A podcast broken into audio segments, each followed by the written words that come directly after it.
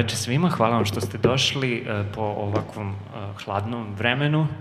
E, nije još uvijek toliko hladno i nije još uvijek toliko zagađeno, ali ovo hladno vreme se sobom obično nosi i zagađenje vazduha i nije nam zbog toga bila zapravo inspiracija da pričamo o zagađenju vazduha. Ova tema je dugo već, bar meni, nekako i, i važna i zanimljiva, pre svega što se tiče istraživanja, znači za one ljude koji možda ovo slušaju ili su prvi put ovde, ovo je tribina koja se zove Kako istražujemo zagađenje vazduha, deo ciklusa tribina Kako istražujemo, gde nam je ideja da se fokusiramo zapravo na istraživanja, kako se ona rade, da ilustrujemo proces u kom nauka i srodne discipline mogu da doprinesu razvoju znanja o nekom problemu. U ovom sad e, konkretnom slučaju je u pitanju zagađenja vazduha. I večera su sa nama e, dr. Andreja Stojić e, sa Instituta za fiziku. On radi u laboratoriji za fiziku životne sredine i bavi se direktno i bavi se direktno istraživanjem zagađenja vazduha i to na jedan zanimljiv način koji je savremen i koji će sve više zapravo da se koristi, a to je e, istraživanje zagađenja vazduha korišćenjem mašinskog učenja. Nešto ćemo o tome i da pričamo večeras.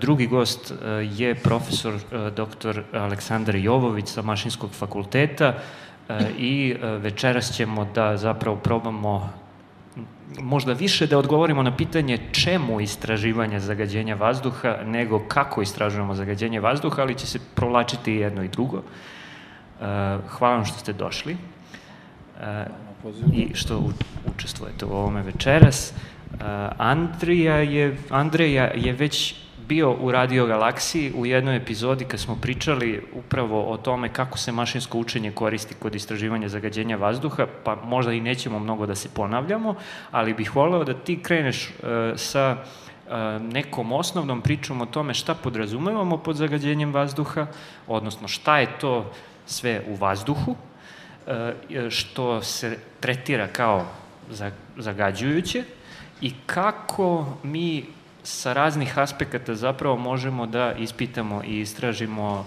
um, stvari vezane za to koje mogu da nam pomognu kasnije za razne neke druge stvari, a to ćemo da pomenemo uskoro. Dobro večer svima, hvala na najavi. Ovaj, a, možda je najbolje da počnemo jednom analogijom. Kada ljudi odlu, kada im nije dobro i odu kod lekara, ispostavit će se da je najvažnija stvar koju lekar može da im ponudi prava dijagnoza.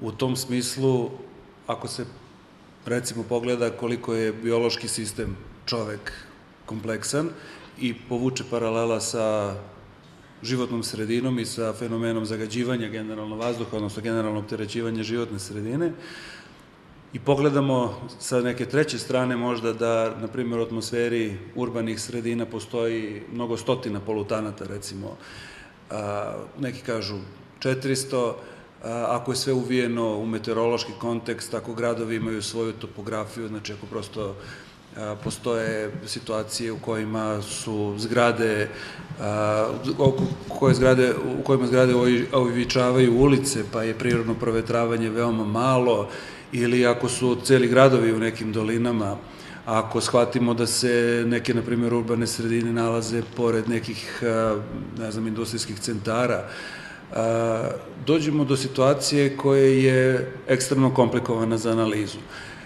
Ako bismo pomislili da je možda put ka objašnjenju tako kompleksnog sistema, dakle ako govorimo samo o 400 recimo zagađajućih materija koje možemo smatrati variablama, ako dodamo recimo još nekih, ne znam, nekoliko desetina koja, koje možemo dobiti iz meteoroloških e, osmatranja, ako, ne znam, unesemo možda i neke osobenosti terena, ako na neki način analiziramo vazduh, mi dođemo zapravo do sistema koji ima mnogo, mnogo stotina variabli.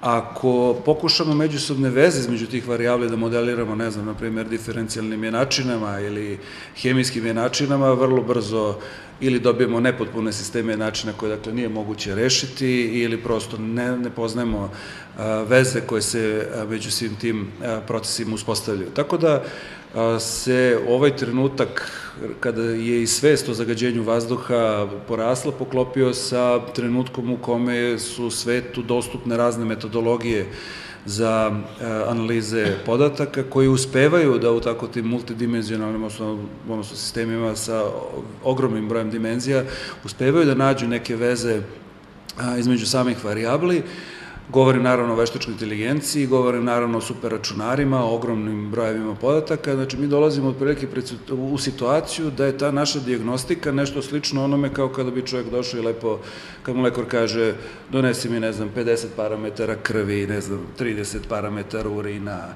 idi na skener, idi na, ne znam, magnetnu rezonancu, današnja istraživanja otprilike podrazumevaju to kao neku osnovu. Znači, mi danas jesmo kadri da primjenom svih ovih modernih tehnologija dođemo do nivoa da možemo da imamo snimak nečega poput recimo magnetne rezonance, dakle veoma precizne uh, uh, veoma precizan uvid u sve. Mašinsko učenje upravo pomaže u tome, dakle, to je metodologija koja na određeni način spaja ono što želimo sa ambijentom u kome se taj fenomen a, dešava. Postoje, naravno, mislim, to je početni korak, naredni korak i kako objasniti te komplikovane i zamršene veze, tako da, eto, o tome možemo pričati kasnije, ali recimo za uvod ovoliko. E, kad si pomenuo Kad si pomenuo tih, aj, kažemo, 400 ili koliko god nije ni važno, veliki broj parametara, ogroman broj tih parametara zapravo nije uopšte ni poznat ni javnosti, ni ljudima koji se ne bave baš specifično tim takvim problemima. Međutim, postoje neki parametri koji su vrlo poznati i pogotovo poslednjih nekoliko godina su postali uh, onako stvar vrlo jedne opšte, opšte informisanosti, a to su pre svega uh, PM10, PM2 i po čestice, onda, ne znam, sumpor dioksid, ugljen dioksid i tako dalje. E, pa hajde da izdvojimo možda neke od najvećih zagađivača vazduha, mm. pa, parametara, odnosno e, tih ne, ne znam da li mogu da ih ne zovem parametrima, to su zapravo... Da, mislim, sa da. stanovišta analiza sigurno, ali da. eto, zagađujući materijom. Pa evo ovako, a, moje mišljenje je sad tu možda različito od a, e, onoga što, se, što je konvencionalno, tako da kažem, pričamo po tim konvencionalnim podrazumevam a, to što je u fokusu i nauke i regulativa i medija, dobro, mislim, taj nivo je, kako bih rekao, najbanalniji, pa ne moram nešto puno da ga objašnjam. Uglavnom, poimanje problema zagađenja vazduha se dominantno, čini mi se, u svetu, nažalost, i dalje fokusirano na veoma mali broj parametara. To jesu ti, kako ih američka agencija zove, kriterija air pollutants, znači čestične, e, čestično zagađenje diametra manjeg od 2,5 ili 10 mikrometara, azotovi oksidi, sumpor dioksid, ugljen monoksid i ozon. E, u to nekada uđe i po nešto od ispaljivih organskih jedinjenja, po nešto od policikličnih aromatičnih ugljovodanika, nešto još drugo sad da ne navodim, ali veoma, veoma redko.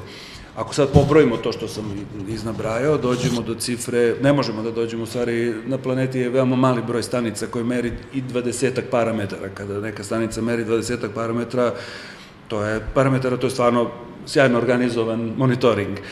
Ako ih ima 400, mi merimo najviše 20, to znači da ostajemo uskraćeni za 20 puta, odnosno 20 puta manje parametara merimo. Sad zamislite onaj primer koji sam navao na početku, znači lekar kad bi ostao, znači donao je čovek 50, na primer, nekih podataka krvi, 30 sam rekao urina, to je 80, sa 20, to je fantastično malo, znači sad uzme čovek i kaže, ajde kao na osnovu ovo četiri parametra ti mi reci šta mi je, ko bi to mogo da kaže, prosto to, to je iracionalno. Opet se poziva na američku agenciju, ona je prepoznala, ima baš u toj listi 187 e, nekih hapsova, to su hazardous air pollutants, u koje spadaju, ne znam, na primjer, ispaljive organske jedinjenja, koje su ili dokazano ili suspektno toksično mutagena ili kancerogena. E sad, ako mi poimanje kvaliteta vazduha svedemo na ono što, o čemu pričamo jako dugo, decenijama unazad, mislim, nesumnjivo je da, da su to parametri pomoću kojih mi možemo da steknemo opštu sliku. ali opet napominjem, nije isto kada se dođe kod lekara i kad lekar pita šta ti, ja kažem imam temperaturu i posle svih onih analiza gde se uzmu sve te substance pojedinačno izanaliziraju i pogotovo sad govorimo o zagađenju vazduha, znači ekstremno je važno da shvatimo ulogu, odnosno uticaj u ovim E, kako bih rekao, e, nemedicinskim studijama koje su pokazale da je nešto opasno, nego kako to stvarno utiče u realnim uslovima na živote ljudi. I tu onda, znači, nesumnjivo dolazimo do odnosno dolazimo pred vrata uh, od takvih tehnologija poput veštačke inteligencije, prosto preteško je sastaviti diferencijalno načinu kako, ne znam, ne znam, jedan tributa dijen, uh, kakve veze ima sa temperaturom, kako ga ona oblikuje u prisustvu, ne znam, o, ne znam, povećane koncentracije čestica, uz relativno lažnost ovako, onako i tako dalje, sad da ne komplikujem taj uzeti, svoj iskaz. A, I uzeti u sve da. to i topografiju grada i tako dalje. Recimo, tako je, tako je potencijalni transport, transport od asfalta, tako da... Um, Ajde da onda pređemo zapravo na jedno drugo važno pitanje, ako smo možda, ajde da kažemo, dovoljno definisali šta su sve e, potencijalni zagađivači, a drugo važno pitanje koje zapravo na, e, odgovor na to pitanje nam mogu dati i ovakva istraživanja i razna druga istraživanja, a to je šta su sve izvori zagađenja vazduha. Pa profesore, možda biste vi mogli da sad taj segment da, dobro večer. tehnološke A, strane pojasnite. Sad, prvo, to, to sad postoje neki bitni pojmovi koji u stvari uh, možda treba na početku reći, Andrej nešto počeo od, od, od toga. Znači ono, šta je emisija, to je ono što izlazi iz izvora zagađenja, a ono što je nekad smo zvali emisija, danas zovemo kvalitet vazduha, zato što nam se, da kažem, sa nemačkog govornog područja pomerili smo se u ove amerikanska, odnosno anglosaksonska da air quality, u stvari ono o čemu sada pričamo i to se sada već odomaćilo, iako je trebalo dosta vremena da se tako nešto desi. S druge strane, izvori zagađenja su prirodni veštački, tako da i tu treba napraviti razliku, znači vulkani su najveći izvori, na primjer, zagađenja. Jedan vulkan kada ima erupciju, sećate se pre neku godinu Islanda i tako dalje, vidite da u odnosu na bilo kakvo industrijsko postrojenje su nemer, nemerljivi redovi veličina, ali priroda se, ne, okeani su izvori emisija, da kažem, šume su, mhm, pri, mhm. znači razni prirodni prirodni ovaj, izvori postoje i oni su oni nisu, uslovno rečeno, nisu problematični, nekako se, da kažem, zemlja, odnosno priroda sama sa sobom bori i negde mi smo postali u stvari problem, jer smo mi nadodali ovaj, zagađenje kroz razne, razne oblike. Sad, taj veštački izvori zagađenja u stvari su opet različiti, mogu da budu tačkasti, to su ovo što mi najčešće i prepoznajemo kao izvor zagađenja, to su razne vrste dimnjaka ali mogu da budu linijski, to su razne vrste saobraćaja, znači autoputevi, putevi, nije važno, železnica, već zavisi čime, čime šta koristite i naravno površinski izvori zagađivanja, to su deponije, to su razna skladišta, to su znači otvorena, zatvorena i tako dalje. Znači prosto imamo tri različita neka segmenta i e, tako ih otprilike istraživači i da kažem i ovi profesionalni u smislu istraživači naučni radnici i da kažem ovi profesionalni komercijalni, ovaj, ajde da možda grupo zvuči, ali da kažem komercijalni istraživači ovaj, takođe tako nekako i dele.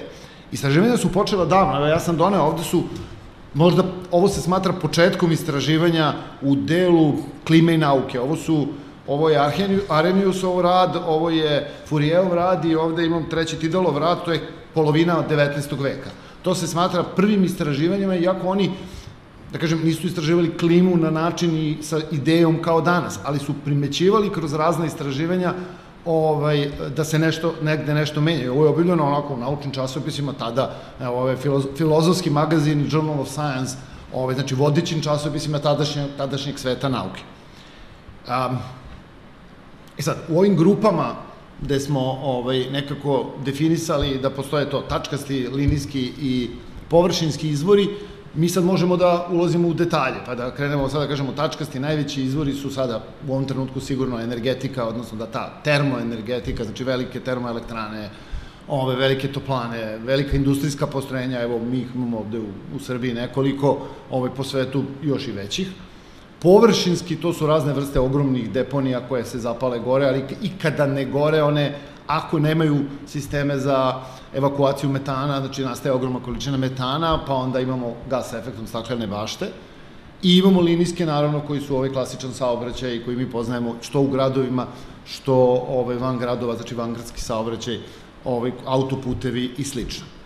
A, s druge strane, Andrej malo pre počeo da pokušao da, da, da prikaže koliko u stvari ima i kakvi su um, koje su to zagađujuće, opsizivam se, koje su to zagađujuće komponente, možda nije loše imati i drugu sliku, a to je u stvari globalni fenomeni. Jer u stvari kroz globalne fenomene možete da vidite u stvari koji su, uh, koji su zagađujuće komponente.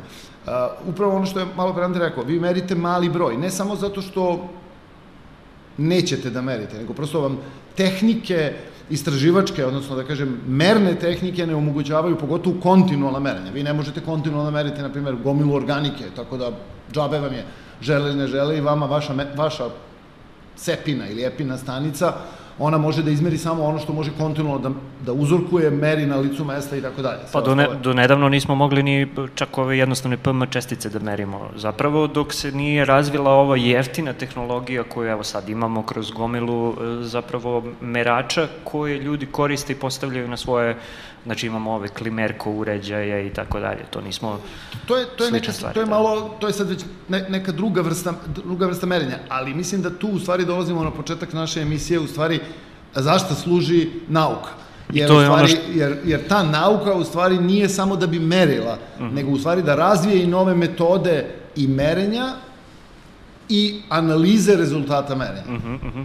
I ovde je sad možda dobra prilika da uh, napravimo razliku između toga šta su zapravo naučna merenja i šta su merenja koja uh, se dešavaju uh, na, u raznim, ajde kažemo, zvaničnim telima, institucijama za monitoring nekih ne, nekih ajde, fizičkih veličina koje, koje su vezane za kvalitet vazduha. To je ono što smo um, možda malo načeli, a to je ova nauka koja se bavi zapravo ono cutting edge, što bi se reklo, uh, tehnologijom i, i analizama vezanim za zagađenje vazduha je nešto što radi mali broj ljudi. Ali mi svuda širom sveta imamo gomilu raznih tela koja se bave zapravo monitoringom, koja su javna, jel te imamo E sad ćete vi tu bolje da, mi, da, da kažete zapravo koje su to tela koje se bave kvalitetom vazduha, kvalitetom vode i tako dalje, instituti za javno zdravlje i tako dalje. E, I tu bi možda bilo dobro da razgraničimo koja je vrsta nauke jedno, koja je vrsta nauke drugo i čemu služi jedno, a čemu služi drugo. Da. Pa, sad, znači, u principu, ono, da ne, da ne ispadne da je nauka radi nauke, ali da kažem, ta jedna da, da. ogromna, ogromno polje je nauka u onom smislu baznih, osnovnih istraživanja koje nisu, da kažem, nekako bi, možda će Andrej naći bolji izraz, ali da ih razlikujemo uslovno rečeno od nekih komercijalnih. A komercijalna ulazi i ova državna, državna služba, prosto drugi je vid i druga ideja a, načina istraživanja. Ova naša osnovna I deo primenjenih istraživanja upravo služi to, da prikupi sva moguća znanja i sobstvenim nekim merenjima ili sobstvenim analizama ili rezultate tuđih merenja da izanalizira upravo to, na primjer, institut sada trenutno radi ne samo na svojim, svojim golim merenjama, nego gomilom, gomilom drugih istraživanja, s jedne strane. A s druge strane, kada iz tih rezultata, iz tih istraživanja proisteknu neki rezultati, može se preći na onaj sledeći deo, da kažem, primenjenih istraživanja. Neko će zbog iz tih primenjenih istraživanja napraviti uređaj za smanjenje zagađenja, neko će napraviti novu mernu, mernu metodu, novu mernu tehniku. Danas su se pojavila eto, ti kućni silni uređaji koji mere, koji do pre određenog broja godina niste uopšte imali na, u tom, na tom komercijalnom nivou a neko će napraviti, da kažem, metodu ozbiljnu za uzorkovanje, mnogo preciznije i tako dalje. Vi danas imate merenja nanometarskih čestica koje nemaju a, svakodnevnu svrhu, svakodnevnu primenu u onom smislu u kojem mi vidimo merenja kvaliteta vazduha. E sad imate ovu celu drugu stranu, da kažem, regulatornu, ajde da kažem bolje nego možda komercijalnu, znači regulatornu, u smislu da su države ili konvencije međunarodne, da li Ujedinjih nacija, da li evropske, da li neki drugih organizacija, propisale, dogovorile se šta na koji način se prati i to sada zemlje sve zemlje ove na svetu na svoj neki određeni način, po nekim pravilima koje su ipak uspostavljene na svetskom nivou, pokušavaju da uspostave. To je ovaj monitoring koji mi vidimo da, radi, na primjer u Srbiji, državna agencija za životnu sredinu, ona postavlja neke svoje merne stanice po nekom, opet, uh, uređenom sistemu, ili bi bar tako trebalo da bude. Znači, nije, nisu ih razasuli tek onako po, po karti Srbije i izabrali komponente koje će da mere. Na sve to još imate E sad baš pravo, uslovno rečeno, komercijalna merenja i emisija i kvaliteta vazduha koje rade pojedinačne laboratorije koje su se akreditovale kod takozvanog akreditacijonog tela, u ovom slučaju Srbije, on svako svoje zemlje, i još dobila određena ovlašćenja državnog organa da rade komercijalna merenja. Da li za potrebe države, to su obično ovi gradski zavodi koji rade kvalitet vazduha, ili pojedinačne privatne ili državne laboratorije koje rade emisije znači iz izvora zagađivanja na različite, na različite načine. Možda samo malo to, to slika otprilike kako to izgleda. Da, da, da. Znači imamo državna tela, regulatorna tela koji propisuju te stvari, imamo... To je ministarstvo, da. znači uvek je da. tako. Mislim, tako bi trebalo uređeno i relativno je čak i ovde na papiru. Znači imate ministarstvo i lokalne samuprave, znači koje su zadužene za, za propise i imate agenciju ovaj, sa svojim podružnicama koja je u stvari zadužena za kontrolu kvaliteta vazduha. Mm. Plus veliki broj laboratorija koje su, da kažem, dodatak na sve to. Kad govorimo o kvalitetu mm -hmm. emisijama, mm -hmm. država generalno nema svoje telo za merenje emisije. Uh, znači ne postoji državno telo za merenje emisije, ali postoje privatne... Za kvalitet ko... vazduha postoji, da. ali da merite zagađenje iz nekog dimljaka ne postoji državna agencija za to. Aha, aha. Rečeno, to je prepušteno ovlašćenim kućama da rade, po, zato što su propisano koliko često izvori zagađivanja moraju da budu kontrolisani. Znači Ajde. to rade zapravo privatne laboratorije I koje i aha i državne i privatne. Koje, ne znam, no, mašinski fakultet na primjer ili ne da, znam da, da, da. Um, dimničar na primjer postoje da, da. na primjer i tako dalje. On je on ima akreditovanu laboratoriju za određene merne metode, za određene komponente i ovlašćen kod ministarstva šta može gde da meri. Aha, aha. Mislim da pojednostavimo čisto. Da. Uh, Ja mogu samo tonca da zamolim da ne smanjuje mikrofone jer ćemo se ovako upadati, pa, da, ali da bi Aha. snimak bio... Uh, ok. Um, da, i e, što se tiče izvora zagađenja, to je nešto što je zapravo glavna stvar koja može da nam pomogne da smanjimo znači mapiranje toga šta su izvore zagađenja i na koji način oni doprinose zagađenju vazduha, na koji način mogu da preduprede to zagađenje vazduha, je možda najbitnija stvar koja se tiče primenjenih istraživanja vezanih za, e, za, za zagađenje vazduha. E, Andreja možda može da nam kaže kako iz podataka možemo da dođemo do toga šta su zagađivači. Da. Pa evo, ja sam je previše. O, I dalje. Dobro.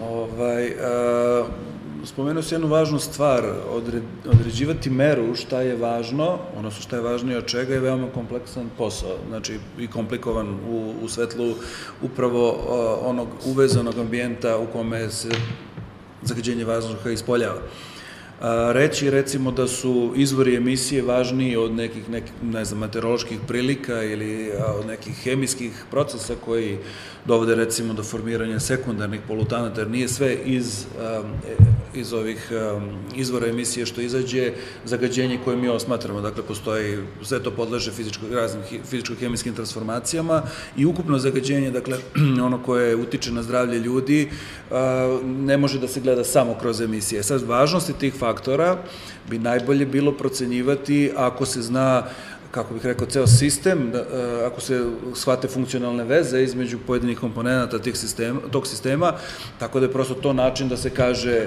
važnije je uraditi jedno, evo kao lekar kad kaže, ne znam, važnije je da piješ ovaj lek, a onaj ako, ne, ne znam, pa kaže neki uslov.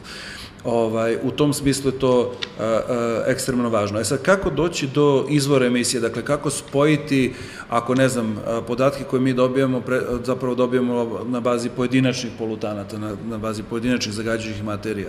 Kako sad razlučiti tu šta je, recimo, kako neke ne znam, tri komponente, da li dolazi, u kojoj meri dolazi od jednog izvora, postoje različiti načini kako vreme prolazi, od statistike se polako ipak, odnosno ne vraćamo se, ne ulazimo u ovo veštačku inteligenciju, zato što prosto statističke metode, one koje su danas na raspolaganju, a tiču se nekog, zove se social Portman, prosto ovaj, cela ta klasa a, matematičkih funkcija koje nešto pokušavaju da, da urade. U stvari one uglavnom rešavaju problem linearne smeše. Linearna smeša znači otprilike šta sam ubacio na početku, ako ne znam u nekom dinamičkom smislu se ponaša na sličan način, bit će predstava nekog izvora. Međutim, a, polutanti emitovani u vazduh doživljavaju degradaciju, transformaciju, na njih utiče svašta i takve metode ne daju dovoljno dobre prosto rezultate. Veštačka inteligencija je kadra da nađe nelinearne veze među njima. Znači, idealno jeste ako postoje, recimo, ne znam, korelacija, znači, saglasno, recimo, kretanje koncentracija nekih polutanata, možemo stvarno onda da verujemo da je prosto, da one prosto dolaze iz određenih izvora i sad na bazi analize zastupljenosti određenih parametara, da kažemo to je, ne znam, ili saobraćaj ili određena vrsta sagorevanja ili šta već. Ali treba znati da prosto kada pogledamo svako od vas je nekada bio u, u, u društvu nekoga ko puši pa kad pravi one kolutiće dima ta struktura dugo ostaje, obstaje u vazduhu. Vazduh koji cirkuliše pravi neke obrazce koji su nama nevidljivi, srećom, ovaj, A, tako da mi ne možemo tako lako da shvatimo kako, kako, idu, kako idu strujenja, šta se tu meša i kad se na to sve dodaju svi ovi procesi koji vrše zapravo transformaciju, veoma je teško nekako ispratiti unazad i doći do a, konkretnog izvora ili baš do konkretnog zagađivača, fabrike, na primjer. Tako da, da, je, da je moderno vreme prosto donelo veštačku inteligenciju i ono, čini mi se, najlepše u njoj, a to je oblast koja se zove Explainable Artificial Intelligence, koja objašnjava kako, kako je taj model nastao. Znači, zašto je taj algoritam mašinskog učenja spojio te variable na način na koji ih je spojio i zašto to tako radi. Ove, to je ekstremno a, interesantna oblast a, koja može da da, kako bih rekao, uvid u globalni model, što to znači? To znači da ja mogu da kažem recimo da je važniji, ne znam, uticaj ugljen monoksida ili ne znam, relativne vlažnosti ili nekog, ne znam, mi su sad upravo počeli da radimo istraživanja evropskih i američkih podataka iz doba korone, U ta istraživanja smo uključili podatke koje se tiču mobilnosti ljudi, raznih oblika ponašanja ljudi i neke od tih variabli se nama sad pojavljaju jako visoko kada su visoko su rangirane u smislu važnosti za dobijene modele, što je recimo nemoguće uključiti bilo kojom statističkom metodom, na primjer, ne znam da li se, da li ljudi posećuju parkove ili nešto, znači da ne idu na posao, što opet znači da ne emituju ne znam nija šta, je preteško uključiti, u stvari nije ni moguće zapravo, social punishment nije ni, pre, ni predvidio takve stvari, tako da nesamerljivo dublje i kvalitetnije informacije o svemu možemo da dobijemo na taj način da povezujemo mnogo direktnije, kvantitativno određujemo šta koliko čega zavisi i tako dalje. Ono što je ključno važno i najinteresantnija stvar u, stvar, u svemu tome je da mi za svaki konkretan podatak, dakle za svaku izmerenu koncentraciju, na primer benzena, ugljen monoksida, ozona, čemu, čega hoćete, možemo da razumemo koje su sile pozicionirale tu koncentraciju na nivo koji smo mi dobili. Ako je koncentracija 54, na primjer, mikrograma po metru kubnom, mi možemo da znamo u koje meri su svi parametri koje smo, koje smo stavili u analizu uticali da to tako bude. Pritisak je recimo bio dominantan i on je doprinao, težio da doprinese da se ta koncentracija poveća za 22,1 mikrogram. Neki drugi faktor je težio da smanji tu koncentraciju recimo za 18,1. I sad tako kao u sprezi tih nekih sila životne sredine, mi možemo da razumemo zašto smo imali koncentraciju ozona takvu, kakvu smo imali i tako možemo da uradimo za svaki pojedinačni polutant i zamislite onda koja je moć e, razumevanja svih procesa dakle, koji su doveli do toga, a samim tim jedna podgrupa će svakako biti izvori emisije, odnosno zagađivači. Tako da jeste, deluje malo komplikovano, ali zapravo ja mislim da nesameljivo bolje razlučuje dakle, pojedinačne uzroke, da li su dakle, izvori emisije, da li meteorološki razlozi ili koji drugi, da se do, dakle, dođu do samih uh -huh, uh -huh. zagađivača. Um, profesore, što se tiče, uh, opet sad se vraćam na izvore zagađenja i dalje na neki način, uh, rekli ste da su termo, da je termoenergetika najveći zagađivač na koji način i e, je li ima nekog izgleda da se to menja, e, s obzirom da recimo, ne znam, u Nemačkoj, u raznim evropskim zemljama postoje razni filteri koji smanjuju zagađenje vazduha. Kod nas, jel postoje, jel, kak, kak, kakva je tu ideja vezano za to? Da, uh, ja, ja mislim da smo, da smo trebali stvari da se vratimo, opet, opet ću da vratim samo stvar na, na, nek, na, neka dve, na, nek, na neke dve stvari. Uh, jedno je, što mi uopšte, zašto se mi bavimo zagađenjem vazduha? Mislim, to je, to je generalno problem. Zato što u stvari mi udišemo, mi dišemo, ja, ja uvijek, mislim, ono imam zapisano ove, neke stvari, da, da ne pogrešim, ali znači za 24 sata čovjek udahne oko 26.000 puta. Ovaj, to znači unese otprilike oko 10 kubika vazduha ili 13 kg vazduha provuče kroz svoja pluća. Sad, znači, prosta je računica. Ako imate 1 mg i 1 mg neke komponente u svakom ovaj, metru kubnom vazduha, vi možete da sračunate koliko toga prođe kroz vaša pluća. E sad, ako imate na svu sreću biologija je sad opet čovek je tako sazdan da ima znači da kažem ovaj ovaj mehanizam udisanja takav i sprečavanje da naj da da određene stvari vam se zadrže u organizmu. Znači što su krupnije čestice, vi ih iskašljete, ali dolazite u onaj u onu zonu Zato su problem ove čestice, zašto mi ih stalno pričamo, 2,5, 5, 10, što ih ne zovemo sve zajedno, čestice onako kao što smo do skoro radili, i ovaj, to stavimo sve u jednu gomelu i kažemo kakve to su čestice. Zašto su one bitne? Zato što ove fine, najfinije, nažalost, ne vratimo nast. Mislim, prosto ih ne iskašljamo. One negde se zadrže, krenu da putuju kroz naš ovaj, organizam i osim tog fizičkog pojave, znači fizičke pojave da čvrst, čvrsto nešto vam putuje kroz organizam, nebitno sada koliko je i kako je, ono sa sobom može da nosi nešto. Znači, one su nezgodne zato što su te jako fine čestice adsorb, ad, dobri adsorbenti, znači skupljaju razne zagađujuće komponente na sebi ili su sami već sastavljeni od nečega, na primjer kadmijuma ili olova ili žive. Ali mogu da na sebi, čak i kada su inertni, na sebi nakupe razne organske komponente, ovaj, kancerogene, mutagene, razne, ovo što je pominjao Andrej na početku, i da vam završe organizmu. To ne znači da ćete se vi razboleti, to je, ovaj, ali su one potencijalno tu I ako sada sticaj raznih okolnosti, način ishrane života, stres, leva, desno, bude okidač nečega, vi možete da se razbolite od različitih, od različitih bolesti ili da prenesete budućim generacijama. Zato mi u stvari i bavimo se, shvatili smo u stvari da ono utiče na naše zdravlje i zdravlje, da kažem, ovaj, biljaka životinja, znači ulazi u lanac ishrane i tako dalje. Zato smo mi u stvari, zato se mi desetinama godina i bavimo tim istraživanjem.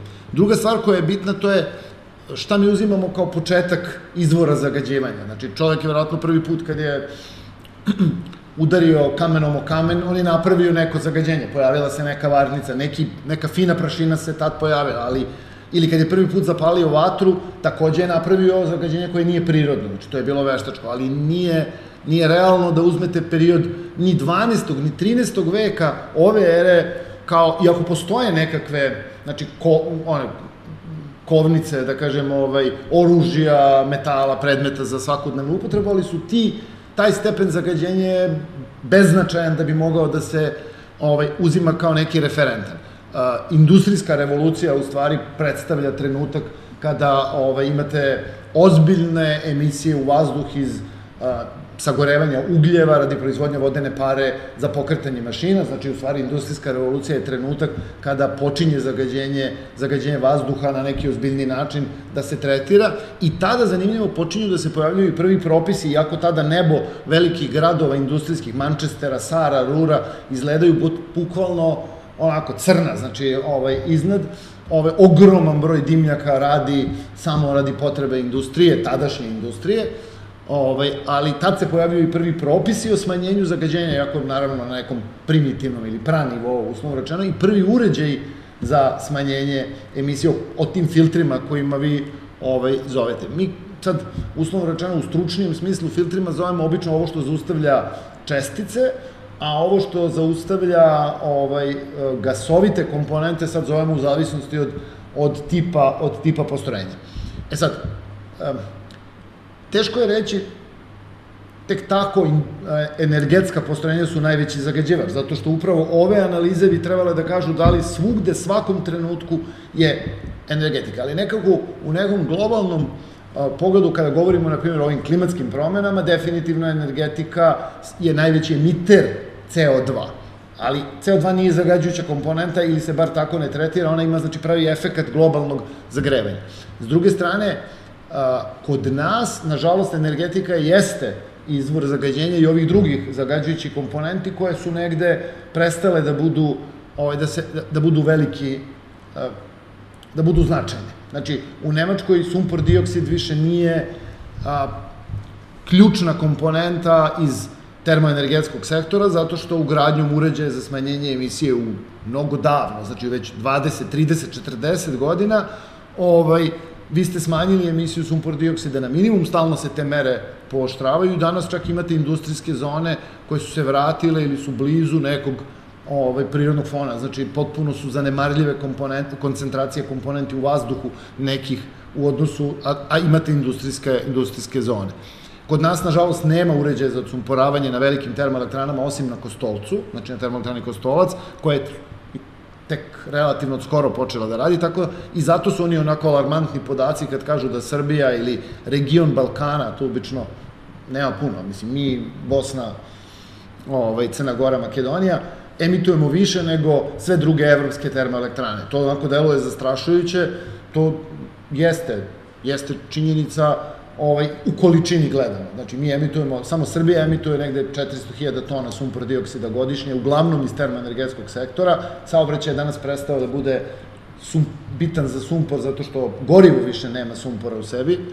Tako da, znači, termoenergetika vuče 300 i nešto hiljada tona, industrija i svi ostali ovaj ostatak. I zato je, uslovno rečeno, termoenergetski sektor ovaj, u ovom slučaju, znači, uglavnom elektroprivreda, nažalost, ovaj, najveći izvor zagađivanja sumpora. E sad, naravno, možete da idete od komponente do komponente, pa onako 400 komada, da tražimo gde je ko izvor zagađivanja, ali, kažem, nije to poenta ovaj, uvek, uvek nije to ciljeno. Malo pre smo baš Andrija razgovarali kako evo problem kvaliteta vazduha u Republici Srbiji koji se radi kroz evropski jedan projekat, ovaj, gleda samo emisiju, a da to nije u stvari uvek rešenje. Jeste, ono, kat industrije, uslovno rečeno, ovaj, bi, jako bitan, negde ključan, nekad pogledate bor, znači izvesno je da vam je glavni zagađivač, ili glavni izvor zagađivanja RTB, ali ne znači da je jedini i ne znači da smanjenjem u neke mere njega i dalje ćete dobiti wow, kvalitet vazduha. Znači, mm -hmm. postoji puno parametara o kojima upravo Andrej govori, ovaj, da, koje trebaju da budu uzeti, uzeti u razmatranje. Um, Da, to je ono što sad je meni na umu, možda, se, možda nije u tom, na toj liniji razgovora, pa slobodno ne morate sad da odgovorite na to pitanje, ali to je, pomenuli ste klimatske promene i sad postoji gomila raznih propisa koje se nameće državama, da u narednih 10, 15, 20, 30 godina, kako se već šta definiše, e, se zapravo razne stvari, regulative i tehnologija promeni, napusti, e, pređe na drug, drugu, drugu tehnologiju i tako dalje, kako bi se smanjili uticaj industrije i ne samo industrije na e, klimatske promene, globalno zagrevanje i tako dalje. Uh, I na neki način to ima veze i sa, sa ovim ovde. Znači, mi, vi ste rekli da uh, Srbija jeste ogroman zagađivač zapravo kad je u pitanju sumpor dioksid, kad su termoelektrane u pitanju. Um, međutim, termoelektrane su generalno konvencijama, evo sad, ne znam, sa, sa klimatskog samita i tako dalje, uh, osuđene da nestanu na neki način. I to je sad ono pitanje na koji način će se Srbija uključiti u taj proces i da li će to zapravo nevezano za sam problem inicijalni zagađenja vazduha da reši problem zagađenja vazduha? Ja, ja, ne, ne, znam da je, ne, ne, znam da je pitanje stvari, vrlo... Ne, ne, ne, stvar je, stvar je jasna, ali ja mislim da samo ma, malo svi, bar u Srbiji, dosta, dosta brkamo, ovaj, odnosno, postavljamo stvar relativno naopako. A, Činjenica da su termoelektrane osuđene, termoelektrane u smislu na ugalja i na druga fosilna goriva malo kasnije, pogotovo na gas, ono malo više kasnije, ali ove, osuđene na kraj svog životnog veka. Ali klimatske promene a, koje, o kojima se stalno govori i da de stalno kažemo da su one osudile termoelektrane. One su u stvari okidač jednog velikog industrijs, industrijske revolucije. Znate, kao što je 19. vek bio go, vek čelika ili vek industri, klasične industrijske proizvodnje, tako je 20. vek bio vek fosilnih goriva i tu je ugalj jedan od, namislite nafta koliko je, ovaj, znači rat za naftu, mislim i tako dalje. Tako da je 21. vek prosto nova, nova industrijska revolucija. E, svetu je potrebna ta industrijska revolucija, e, generalno ogromnih osim u ovom IT sektoru, velikih pronalazaka u industrijskom smislu zaista je nekako zafalilo i prosto se, da kažem, svet suočio kroz klimatske promene za potrebu nečeg novog i zato su se uvukli ove priče o vodoniku, o obnovljivim i tako dalje. Termoelektrane su osuđene na propast, eto, prosto vekim istekom. Znači, mislim, ne, nije tu samo nedostatak uglja. Ja verujem, ovde je uglavnom mlađa publika, ali verujem da je u osnovnim i srednjim školama svima im rečeno, ono, još 50 godina, kako beše, ima uglja, još, ne znam, malo više od toga ima nafte, još malo više od toga ima gasa, ali s obzirom da sam ja tu osnovnu školu slušao pre 40-50 godina, da danas bi trebalo da toga svih tih fosilnih goriva manje više nema i osim što makedonci stvarno ga nemaju, svi ostali imaju. Znači, u stvari samo su se pomerile cene. Znači, vama se, eksp, tehnologije su omogućile bolju eksploataciju, ono što vam je bila nafta ranije na zemlji, sad vam je duboko pod okeanom, eksploatacijono, odnosno tehnološki dostupno, a cena mu omogućava. Znači, prosto, znači, vi nalazite nova nalazišta. Znači, s te strane, pitanje je ozbiljno koliko fosilnih goriva ima još. Vjerojatno ima još za puno vremena, ali nam je sada drugi problem u stvari uticao da moramo da, da se pomerimo negde. Interesantno, na primjer, Srbija nije bila fosilna zemlja fosilnih goriva do 70-ih. To je onako sad kad, sad kad kažete, obično zvuči vrlo, vrlo neobično, ali e, Srbija je bila zemlja koja je bila zasnovana, znači čija energetika, ili čak i bivša Jugoslavija, ali baš Srbija zasnovana uglavnom na hidro sektoru i vrlo malom broju termoelektrana. Tek, na primer, pro, e, jednim od onih petoljetke, odnosno jednim od tih privrednih ovaj, strategija 70-ih, Srbija ulazi u termoelektrane na Kosovu, gradi termoelektrane na Kosovu, u Kostolcu i u Obrenovcu, i, odnosno u Obrenovcu i u Kostolcu. Znači, Srbija se tek 70 i neke, kada su uveliko i Nemačka i sve ove nama danas čiste zemlje, uveliko bile u uglju, ovaj, mi tek tada počinjemo, imamo ideju da hoćemo da gradimo ovaj, budućnost na uglju i drugi veliki trenutak koji se dešava to su 90. kada i pored toga što je gas dosta bio zastupljen u Vojvodini i tako dalje, u stvari ulazimo u, velik, u, veliki, u veliku potrošnju a, goriva u domaćinstvima, uglja i, i, i drveta. I to se osjeća i dan danas. Znači, danas imate u stvari ogroman broj domaćinstava, nažalost, i pored toga što je daljinsko grejanje jako zastup, zastupljeno i puno se proširilo i dalje, ogroman broj domaćinstava i dalje je na fosilnim gorivima ili na drvetu, što je veliki problem za ovo um, da kažem, zagađenje koje nam se sada upravo dešava. Evo i u Beogradu, ja mislim, Andrej radio na programu kvaliteta vazduha za grad. Ja mislim da i dalje negde oko 300.000 domaćinstava, ili se tako neka brojka pominje, i dalje se greje u zimskom, mislim, u vremenu grejanja, greje na ugalj drva i na sve ostalo. Znači, na loš ugalj, na drva ili na sve što stigne, znači na otpade i tako dalje. Zamislite, znači, u Beogradu koji ima milion i pol, milion šesta, sedamsto hiljada stanovnika, ajde da kažemo to je koliko, 500 hiljada domaćinstava, vama je znači više od pola i dalje na sistemu ličnog, lič, malih ložišta. Mala ložišta su danas ovaj, a, veliki, ogroman izvor zagađivanja, čak i ključan za mnoge gradove u Srbiji, iako to naravno tako tako trenutno izgleda. Ima jedna dobra slika, fotografija se pojavila, na primjer, na nekoj od društvenih mreža pre, pa sam se čak i svađao sa ovaj, tim koji su zakačili uh, fotografije Obrenovca.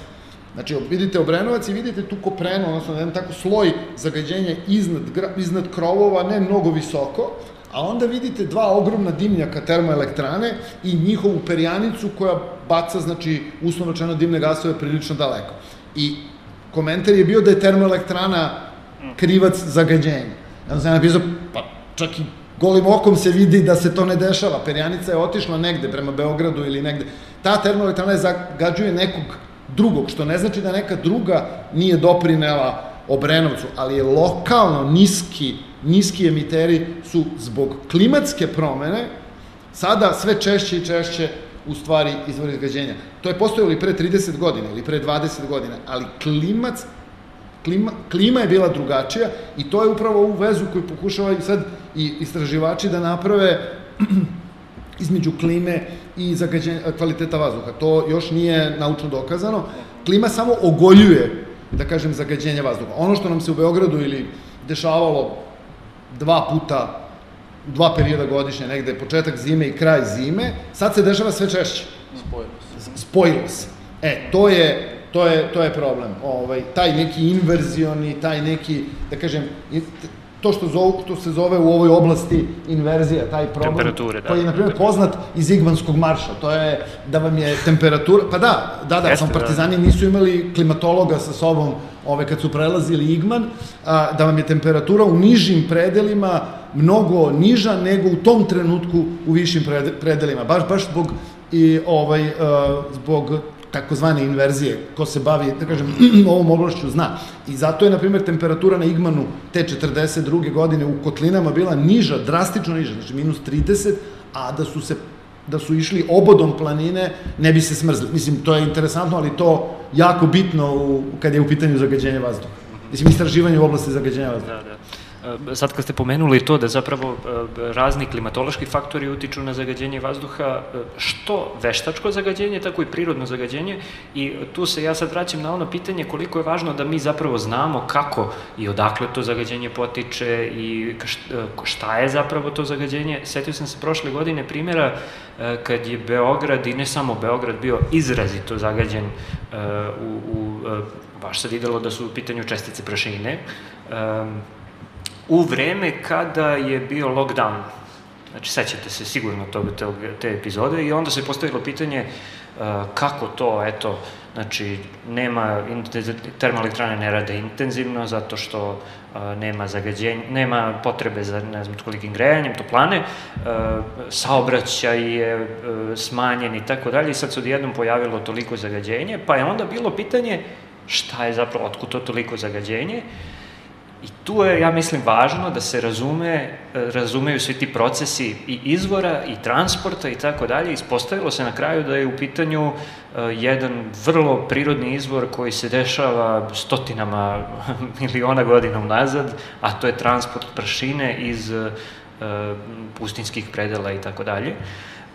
I sad u vezi sa tim, ja postavljam ajde, onaj jedan deo segmenta pitanja čemu istraživanje zagađenja vazduha, a to je kako istraživanje zagađenja vazduha mogu da nam kažu e, šta je prirodno, šta je veštačko i gde nešto možemo da uradimo, gde ne možemo da, da uradimo. Možda, ne znam, Andrija. Andrija da. Mislim da je, da, pozvani. da. Pa, evo ovako, pre nego što odgovorim na direktno na ovo pitanje, da napravim malu uvertiru. Današnji život u odnosu na život ranije se mnogo promenio. Postali smo, kako bih rekao, veoma, veoma zavisni od energije. Evo mi sad sedimo ovde, nešto se snima, neka struja se jel, napaja ceo ovaj dom omladine. E, kako bih rekao, svi ljudi koji su sad ovde došli, odnosno zapravo koji su ovde prisutni su došli, na primjer, ili sobstvenim prevozom ili su nekim, na neki drugi način došli u taj prevoz je trebalo da se uspe neko gorivo, neki benzin, a, taj benzin je trebalo neko da rafinira, da, ne znam, dopremi do pumpi i tako dalje, tako dalje, sada ne preterujem. Hoću da kažem da a, zamislite situaciju u kojoj, recimo, evo, nema struje, nema vode, nema, znači nekih od tih važnih strukturnih a, činilaca modernog života. E, pošto je sve to tako i pošto je naš život takav kakav je, a, da li konfuzan, da li uređen na komplikovan način, nije važno, ali je e, sigurno veoma, veoma komplikovan. E, odrediti u, u takvom e, načinu, mislim, u, u modernoj civilizaciji šta od čega, koliko i zašto je stvarno, stvarno ogroman izazov. Spomenuli smo recimo ove stvari koje imamo prilike da vidimo u medijima, znači recimo kada dospeva Beograd, ne znam, na prva mesta na planeti, zahvaljujući nekom broju koji se zove Air Quality Index, ja kao neko ko se eto, bavi kompleksnošću zapravo životne sredine, njega doživljam kao indikatora poten, ne potencijalno, možda bude loše stanje stvarno a, kvaliteta vazduha, ali to bih, ako bih sad pravio one analogije sa odlaskom kod lekara, bilo kao kad bi vam lekar pipnuo čelo rukom i rekao nešto ti nije dobro, imaš neku višu temperaturu. Šta sledi iza toga? Svakako ne mogu da daju air quality index i bilo kakva takva percepcija zagađenja vazduha. Znači, da bismo se mi spustili duboko ovaj, u analizu, znači mi moramo da posmatramo fenomene u kontekstima u kojima se one dešavaju, a to je jedino moguće uz pomoću tehnologija koje to omogućavaju. Evo, igrom slučaja vreme današnje u kojem živimo nudi jednu od njih, a to je veštačka inteligencija i to je način na koji mi možemo generalno da razlučimo, kažem, prvenstveno razumevajući razumevajući dakle, zagađenje u kontekstu u kome se ono pojavljuje.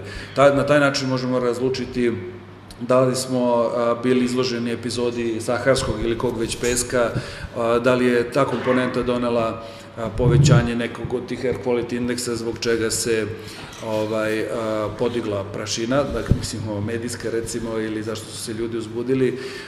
Samo morao bih da naglasim da je naše nerazumevanje zapravo životne sredine, čini mi se na velikom nivou. Gledano, sad u stvari zavisi kako se gleda, znači ja govorim sad iz, iz istraživačkog uh, ugla. Uh, ako je recimo čestično zagađenje i opisano i znamo njegov sastav i pisalo se decenijama o njemu, ako se vratimo na one hazardne uh, polutante kojih je blizu 200, koliko smo recimo blizu opisa svakog od njih u ovom kontekstu upitno je da li znamo izvore svih tih jedinjenja, da li oni nastaju transformacijama ili nastaju kao pri, ovi primarni izvori, pitanje je kakav je njihov uticaj, ne znam, kako zavise u zavisnosti od različitih topografija terena, pitanje, svašta je pitanje, dakle, pred nama je ogroman zadatak da pokušamo da e, spregnemo, recimo, najsavremenije statističke metode, svakako veštačku inteligenciju, numeričko modeliranje, evo recimo kolege iz Instituta za fiziku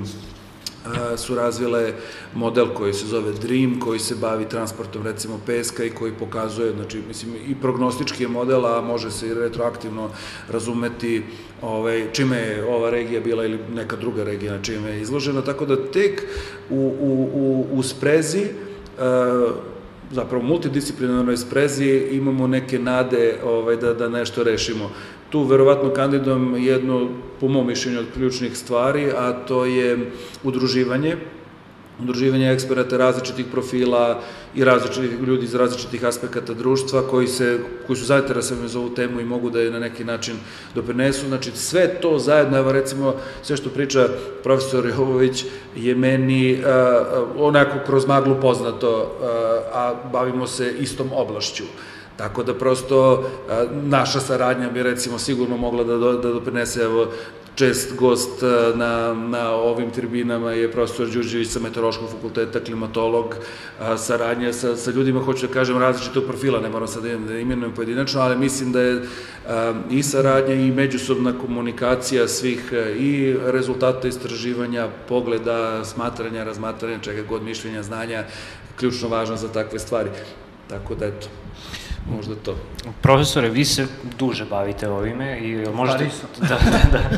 A, pritom je Andreja specifičan istraživač, ali vi ste mnogo više zapravo upravo u ovome, znači gde ljudi sarađuju, koje se zapravo institucije, koje se tela bave tim i regulativama i, i tako dalje. Možete nešto da, jel, mislim jel da postoji da, ta saradnja? Jel, mis, mislim da Andrej, odnosno njegov institut i ovo što oni rade upravo baš dobar primer uh, ne saradnje sa, sa, sa nama ili sa, ne znam, sa, sa fakultetom za fiziku, nego upravo korišćenjem tih sad ogromnih baza. Ljudi su prosto shvatili, a to je omogućio, da kažem, razvoj sad ove druge IT, odnosno, da kažem, ovih društvenih mreža, sistema komunikacija i tako dalje, da u stvari sobstvene istraživanja nisu dovoljne. Vi možete sada meriti danima, danima, danima, ali to je užasno malo u odnosu na ceo svet.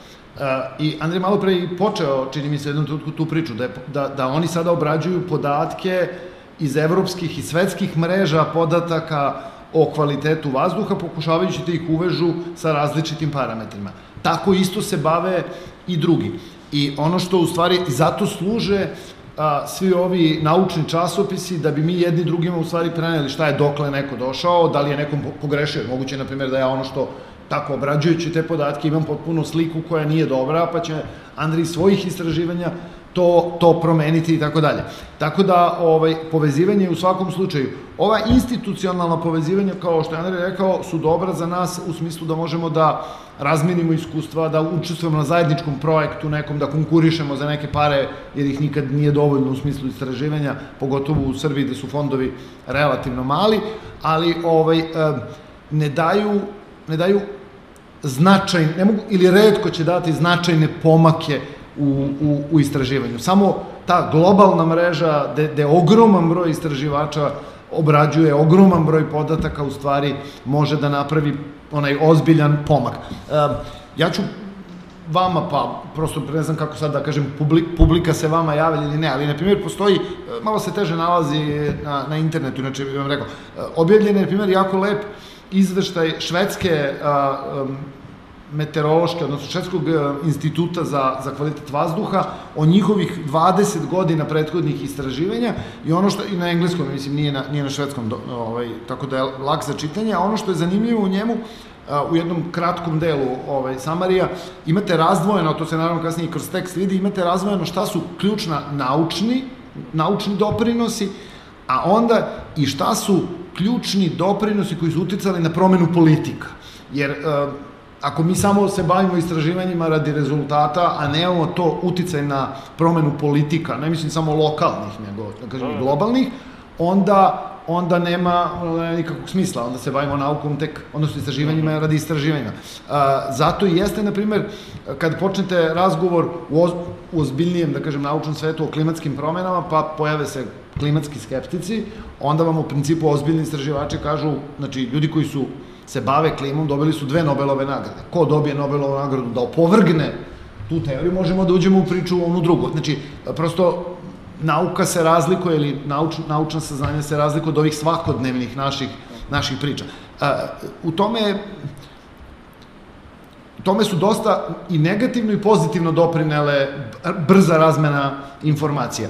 Naprimjer, vama se pojavljuje stalno isti jedan, jedan isti podatak, to je koliko hiljada ljudi godišnje umre od zagađenja vazduha. I vi kad čujete taj podatak, vama je to onako, delo je strašno. To nije, nije dobro interpretirano. To znači nije onih 8000, 6000, 7000, nije bitno koliko je sad, da kažem, grupa zvuči nije bitno, nego mislim nije sad važna brojka. Udahnulo vazduh i srušilo se ovaj, zbog tog vazduha, nego su oni ljudi a, zbog zagađenog vazduha žive kraće nego što bi mogli da žive. Znači da taj vazduh nije zagađen, u toj sredini ili, na primjer, na, u Srbiji da nije zagađen na način kako jeste, ti ljudi bi živeli određeni broj godina duže. Znači, ali to je bitan podatak za ozbiljnog donosioca odluke. Požar na Vinči letos je, na primjer, za ozbiljnog donosioca odluke bio značajan ne zato što je mogao ili nije mogao da se spreči, nego zato što je mogao u tom trenutku da uvede brzi monitoring i kvaliteta vazduha, ali i odmah zatim posledica zemljišta u okolini grada i tako dalje. Pričali smo onaj dan, pa da, rekao sam vam, znači, svo to zagađenje koje je nastupilo, a to je najgorih organskih komponenti, to su oni dioksini, furani, svi oni onako bauk, njih zovu 12 prljavih, odnosno 12 ono, dozen dirty, ovaj, kao 12 najgori komponenti ovaj, zagađujućih u smislu toksičnosti, kancerogenosti, tako dalje, mnogi su se, mnoge nastaju upravo pri tom nekvalitetnom sagorevanju otpada. I one su završile negde u okolini Beograda. Vi nemate dan danas, znači šest meseci kasnije, nemate nikakav screening, ili bar ne znamo da imamo nekakav screening zemljišta, jer je to sve završilo 5 km, 10, 15, 20, 50 i sad stotinama kilometara dalje. Ali to je ušlo u lanac ishrane. Ako je to palo u okolinu Beograda, onda će ubrzo hrana iz tog kraja stići na pijace um, Zvezdara, Đeram, već ne znam kako se, ono, kako se, cvet, tako je, tu sam živio cvet, da sam zaboravio. Godine valjda čine da zaboravim. Ali ovaj, to, znači, i vi ne znate da li će to imati utice sada na kvalitet i na zdravlje ljudi. Znači, to sad nije direktno znači, nego kroz hranu, ali upravo zagađenje vazduha je bitno zato što pre ili kasnije ta komponenta završi dole. Nije samo udahnuta, nego negde završi i u, ovaj, u zemljištu i onda naravno nastoji od onih fenomena kao što je zakišeljavanje tla i tako dalje, do mnogih drugih, znači prelazak u lanac ishrane nekih od tih komponenti. Mm -hmm. 8 je sati, ja bih da možda polako zaokružimo priču i da damo prostor publici da postavi pitanja, a, a, a i super ste naveli zapravo na ovu priču i volao bih da zaključimo sa tim um, koja je odgovornost i na kojim telima i na kojim donosiocima odluka je najveća odgovornost i koje imaju najveći prostor da naprave zapravo, zapravo neku vrstu praktične promene koje će dovesti što do boljeg kvaliteta vazduha i ne samo vazduha, nego mi sad tu ovde uopšte nismo pominjali razne druge segmente zagađenja životne sredine, ali ajde se fokusiramo na vazduh. E, znači, i samo kvaliteta i e, s druge strane upravo to, monitoringa, e, kada se desi nešto što jednostavno nije moguće izbeći, kakva vrsta reakcije treba da postoji, koliko brza i tako dalje i tako dalje. Možda da probamo da, da sa tim zaokružimo ovaj, tribinu. Pa, mislim, tu, tu, tu možemo i Andreja, evo Andrej radio na programu kvaliteta vazduha za grad Beograd, ovaj, kao institut zajedno sa grad, gradski zavod, tako. Ovaj, uh, sad, sad, mislim da smo pominjali od početka, od tih globalnih konvencija koje se sada spuštaju, da kažem, na, na, na zakonodavstvo ovaj, pojedinih, sva, svake zemlje posebno. I sad, naravno, od odgovornosti, uslovno rečeno, državne uprave ili politika u određenom vremenskom periodu imate veću ili manju ovaj, uh, brigu o zaštiti životne sredine. Nekako se u Srbiji, čini mi se, zaštita životne sredine uvek doživljavala, ili bar do skoro doživljavala, kao ono, a ti si koalicijni partner na vlasti, pa dobro, evo tebi jedno mesto, baš to jedno, evo ti životna sredina i povremeno prosveta. Onako, da. nauka i prosveta, onako, kao ne, ne, ne mnogo bitno, omladin, kazne, da. omladin i sport, pa ne, nego ono kao prosto ove ključne poluge sile uzimaju oni koji osvajaju vlast, glavni igrači. E, međutim, kao što vidite, životna sredina počinje da bude značajna ne samo zbog protesta, nego zbog e, velikih e, svetskih dešavanja, a one se uvek završe na jednom istom mesto, to je ekonomija. Znači, pre ili kasnije, ovaj, ogromne znači, korporacije, da ne kažem ogromni fondovi, ali ogromne korporacije počinju da ovaj, guraju u nekom pravcu i u Srbiji je problem što mi to obično vidimo kasno. Odnosno, mi nekako mislimo, i to se pokazuje u dugom nizu godina, znači ovo to nije vezano samo za zadnjih 5, 7, 10, to se onako baš u dugom vremenskom periodu, da negde možemo da izbegnemo tokove sveta kada je u pitanju ovaj, ajde kažem, zaštita životne sredine. Ja sam sticajem okolnosti, pošto Akademija nauka sprema uh, jedan seminar koji se odnosi na resurse uglja na Kosovu, ovaj, iz raznih razloga, i ja sam onda, moje kolege i ja smo dobili za, za, kao jednu temu ovaj, utice baš na zagađenje ovaj, vazduha i e, rada termoenergetskog sektora na Kosovu i na, na kvalitet e, života, odnosno zdravlje ljudi. Ja sam onda, setivši se da kad sam ja počeo da radi, moje, moji profesori, to je bilo 92. znači jako davno, moji profesori su tada već odavno radili na nekim studijama koje su se odnosile na ovaj, termoenergetski sektor a, na Kosovu. Ja sam našao neke izveštaje iz 91. znači pre raspada ovaj, bivše Jugoslavije i ovaj, neke izveštaje i neke ovaj, zbornike radova koji su se zvali ovaj, kvalitet vazduha ili već kako se zvali zbornici tih 90-ih, ne, ne, neki koji su držani. I mogu vam reći, spisak radova, teo sam, baš ću to da ponesem taj dan na, na konferenciju, spisak radova, ako idete kroz te radove, mogli bi dan danas da ih potmetnete, ovaj, niko ne bi primetio razliku. Ali ono što je ključno, na primjer, i tada u izveštajima 90. godina, taj izveštaj koji je raden, rađen za utice na zdravlje i životnu sredinu ljudi, kao termoenergetskog sektora, vi vidite u stvari, a, pošto to je bio puno institucija, a, bežanje od odgovornosti. I tada je a, rečeno a, da je Jugoslavija je jedan od osnivača te konvencije, međunarodne konvencije o prekograničnom zagađenju, najčuvenije, jedna od najčuvenijih uz ovu, da kažem, klimatsku konvenciju, ovaj, najčuveniju konvenciju kada je kvalitet vazduha u pitanju, znači bivša Jugoslavija je bila jedan od osnivača, iako današnja Srbija nije ratifikovala sve protokole te konvencije, što je isto vrlo ovako zanimljivo, ali i tada, da kažem, rezultat tog nekog izveštaja je da su određeni regioni, pa na primjer Slovenija i tako dalje, preuzeli obaveze koje su jako komplikovane, teške i tako dalje i da će ugroziti privredni razvoj zemlje i slično. To, znači, a 30 godina imamo posle toga istu, manje više istu priču, to. Ceo svet, mi ne možemo tako lako da se odreknemo uglja i slično, ne shvatajući u stvari da svet ide i bez nas, a da ovaj, odgovornost, da kažem, nek, nekih ovaj, političkih struktura postoji, to je definitivno. I on, on se baš onako tradicionalno prenosi nekako kad je životna sredina u pitanju, čini mi se uvek isto, loše po, po, po privredni razvoj zemlje, da ne kažem pozdravlje ljudi. Andreja, Evo, možda za kraj, u ovom kontekstu da pomeneš tvoje iskustvo rada na, na ovome što je profesor pomenuo, znači sa... Plan kvaliteta vazduha za da. Beograd. Um, pa, um, iz kog aspekta da krenem, ovaj, uh, recimo, Ako govorimo o odgovornosti, e, mišljenje moje lično i tima sa kojim radim da je trebalo da se ima više vremena, da je trebalo da imamo više podataka, da je trebalo da ja bude više ljudi angažovano, da je svašta trebalo da bude sa stanovišta odgovornosti. Ako pravimo već dokument koji treba da na neki način reguliše stanje kvaliteta vazduha i da propiše neke mere kroz neki akcijni plan, mislim da je to sa stanovišta odgovornosti to možda moralo da bude urađeno drugačije sveobuhvatni. Govorim samo o, o svom segmentu, ne, ne opuštajući se u one druge segmente. Um, ako govorimo o odgovornosti na sve ovo što je profesor rekao, ja bih dodao onu ličnu odgovornost i možda mi se to jeste utopijski, ono kada dozivamo stručnost da bude prepoznata, a, sumnjam da bi ko u hiruškoj sali hirurgu rekao aj malo levo, ne tu gde si mislio ili recimo u avionu, da pilotu avionu kaže da mogu ja pipnem ovo dugme, možda me to spušta negde, sumnjam da bi tu iko se pravio pametan, ali nažalost u ovakvim sferama ljudi smatraju da treba da svoje mišljenje brane na ne znam na kakav način, uopšte da ga iznose jer prosto kad odu kod lekara, lekar im kaže radi to, oni će da rade to, prosto to je tako. E ovde, ovde je to veliki problem. Tako da šta znam, um, Mislim da je odgovornost na nama, istraživačima, i to je ono što je profesor mnogo puta spomenuo, dakle, nauka radi nauke je, čini mi se, prilično besmislen koncept.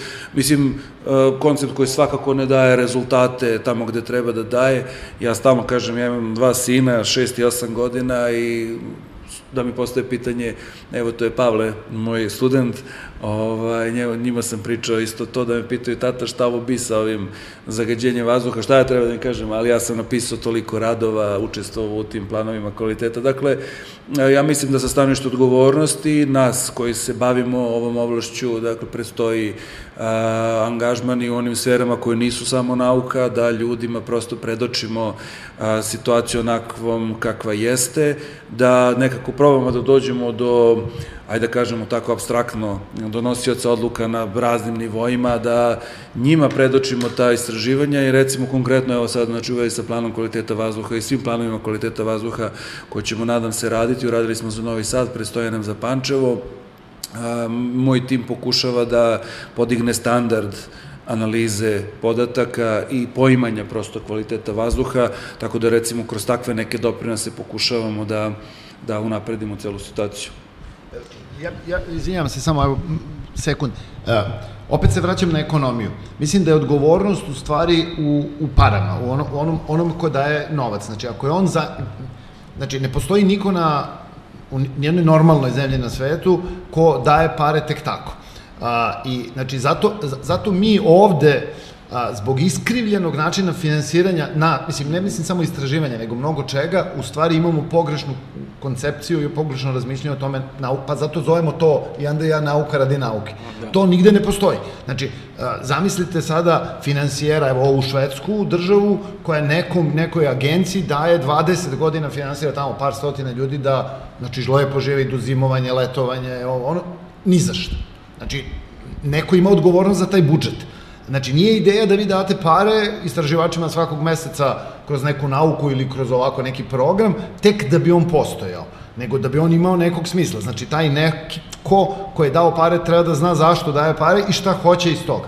E, nekako je, čini mi se, iskrivljena odgovornost prema novcu iz raznih, na razne načine u, u našoj zemlji, dugom, opet kažem, vremenskom periodu, dovela do toga da nije samo nauka radi nauke u oblasti kvaliteta vazduha, nego u, u mnogo čemu, pa ne samo nauka, nego i neke druge oblasti postoje tek ovaj, zato što tuđe su pare. Mislim, kako kažem, državne su pare, budžetske su pare, nije ni važno, kao kad dobili smo svakog meseca 30.000, super, ne moramo ništa da radimo za te pare. To je jako lepo, ali je neverovatno. Vi imate ciklus istraživanja koji je trajao 10 godina, to sam vam pominjao pre neki dan. Imate projekat koji je imao na stotine istraživača. To je najveći projekat u istoriji, ja mislim, ovaj... Projekat. Ajde da kažem, molim, u, istoriji, istoriji projekat, ali u Srbiji skoro izvesno. A, podio ga Šumarski fakultet, učestvovalo ne znam koliko institucija, sigurno uloženo, onako računali smo na brzinu koliko otprilike istraživači zarađuju mesečno, pa koliko je bilo tu opreme, pa koliko je ljudi, pa koliko je godina, 10 miliona evra otprilike. Znači, 10 miliona evra da dobijete sada Horizon, to je skoro, skoro nemoguće, a bili bi sigurno u novinama svim. Znači, neko je slupao 10 miliona, što ne znači da ljudi koji su učestvovali na projektu Nisu nisu napravili dobre rezultate, e, nisu na- uradili puno i za sebe i za svoje institucije i čak možda na međunarodnom nekom nivou puno doprineli, ali, ali onaj koji im je dao tih 10 miliona, to je država Srbija, uh, nigde nije iskoristila to. E, znači, da postoji odgovorno lice za tih 10 miliona eura, koje je uvek država, mislim, ministarstvo, pa sad, nebitno u kojoj, ovaj, neko bi se zapitao zašto. Znači, znači nisu krivi istraživači, nego onaj ko im daje, ko im daje sredstva. On mora da razmišlja zašto to radi. Zato što je možda bolje da je dao negde drugo. No, nije važno, u vrtići. Pa bi možda bi se ovi ljudi snašli pa radili nešto drugo, nije bitno, ali prosto nemamo korist od takvog istraživanja. To je ovde problem. Znači, Andrij se ubije da napravi program kvaliteta vazduha, ali nije na Andriju da ga sprovodi. Znači, jer on bi trebalo da je gradonačelnik. Mislim, nije bitno da li Beograda, Pančeva, Novog Sada. Znači, ako sad ništa se ne desi, on će za 10 godina ili za 5 godina raditi novi program kvaliteta vazduha, zaključiti da ovaj prethodni nije sproveden iz milion razloga i napraviti novi program kvaliteta vazduha koji će opet za pet godina dovesti do toga da neki Andrej ili neki Saša napravi isti taj zaključak, ali nama svima neće biti time bolje. Da. To, to je. Da, to, to je jedna stvar. Druga stvar je stvarno treba ulagati više novca u, u ovakva istraživanja i to je, Ne to je sad... da, da, da nam je puno bilo, nego Da, da, da, da. pogrešno bilo. Da, da, da. I da ne bude sad samo da, ovaj, da, da smo govorili o praktičnim primenjenim istraživanjima, naravno ovo ne znači da ne treba ulagati novac u fundamentalno istraživanje i tako dalje. Ovaj, ali mislim da je tu ključno pitanje koje neću da otvaram, ali ću da ga postavim, a to je za šta dajemo novac, pa nemamo novca da dajemo za ovakve, ovakve stvari. Uh, ajde da ovde stanemo i da, da ovaj, damo publici priliku da postavi uh, nekoliko pitanja. Sad je trenutno 20 i 13. Uh, imamo nekih 15-20 minuta za pitanja. Uh, tako da, evo, ja ću da priđem i da dam mikrofon kogod hoće da postavi neko pitanje slobodno. Ove, ovo je sad prilika da se malo ispričate sa gostima. Među sobom.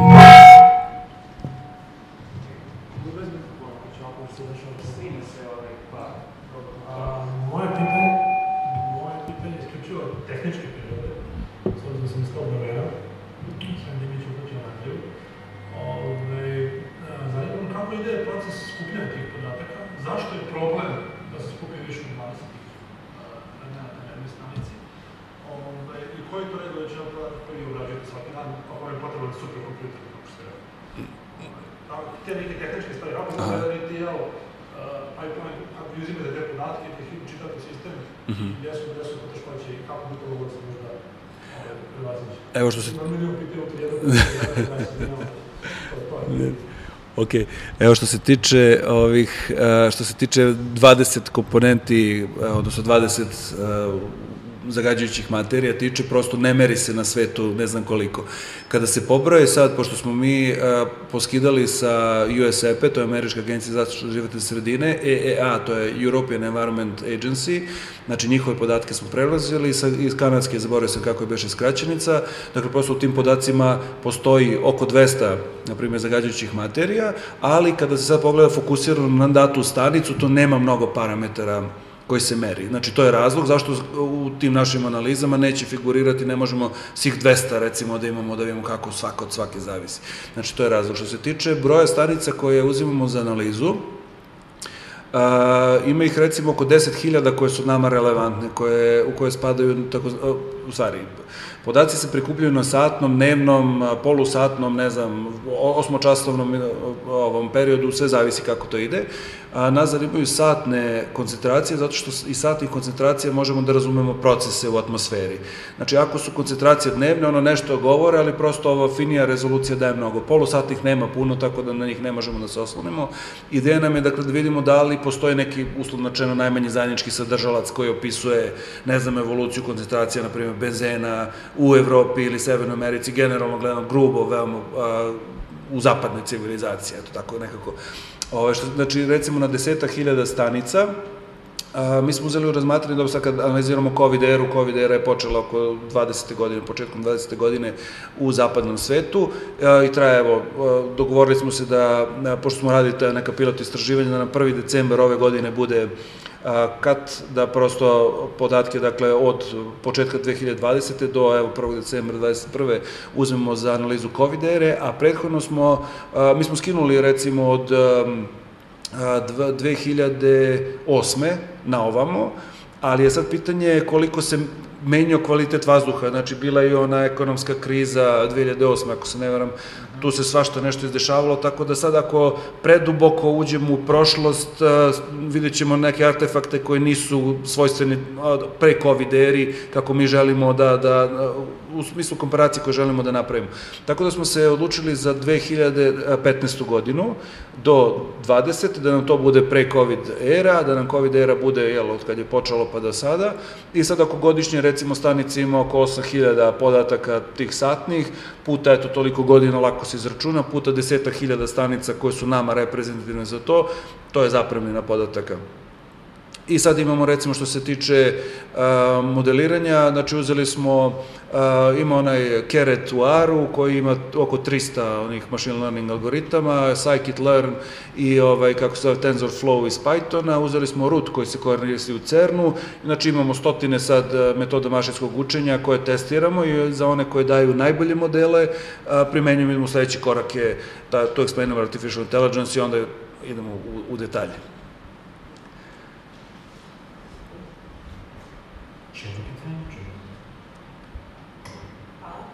Pa govorili ste sada o toj korisnosti istraživanja i o problemu financiranja. Jel postoji neki primer uh, dobre, dovedene mere, onako efikasne na osnovu nekog istraživanja koje je uvedeno u našoj državi, baš onako na osnovu rezultata istraživanja, da se neka mera uvela? Ja mislim da to za profesora pitanje pre nego za mene.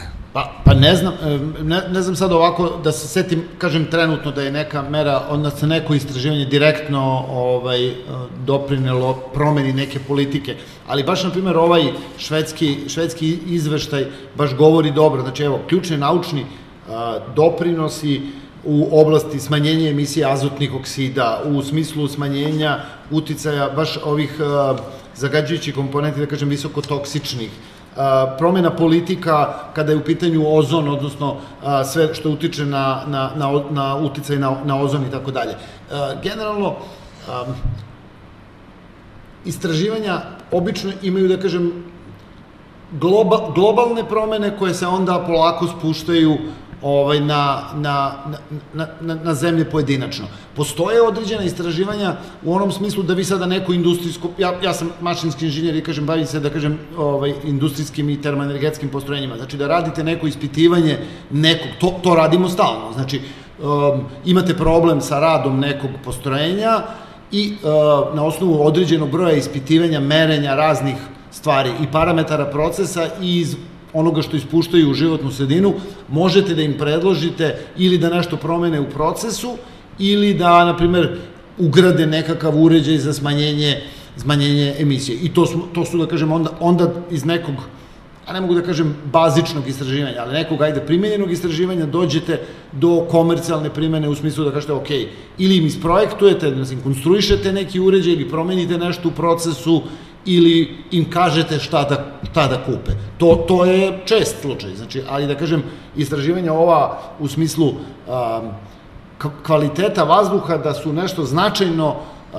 uticala na promenu nekako ne, ne vidim, ne vidim obično na tom nižem nivou, obično je to da kažem globalni nivo, znači dugogodišnje istraživanja, evo ovakva kao što radi Andrej, znači daće nekakve promene u politikama na, viš, na višem, da kažem na svetskom nivou, pa će se one spustiti naravno onda u zakonodavstva i promene načina, načina rada u pojedinačnim zemljama, čini mi se.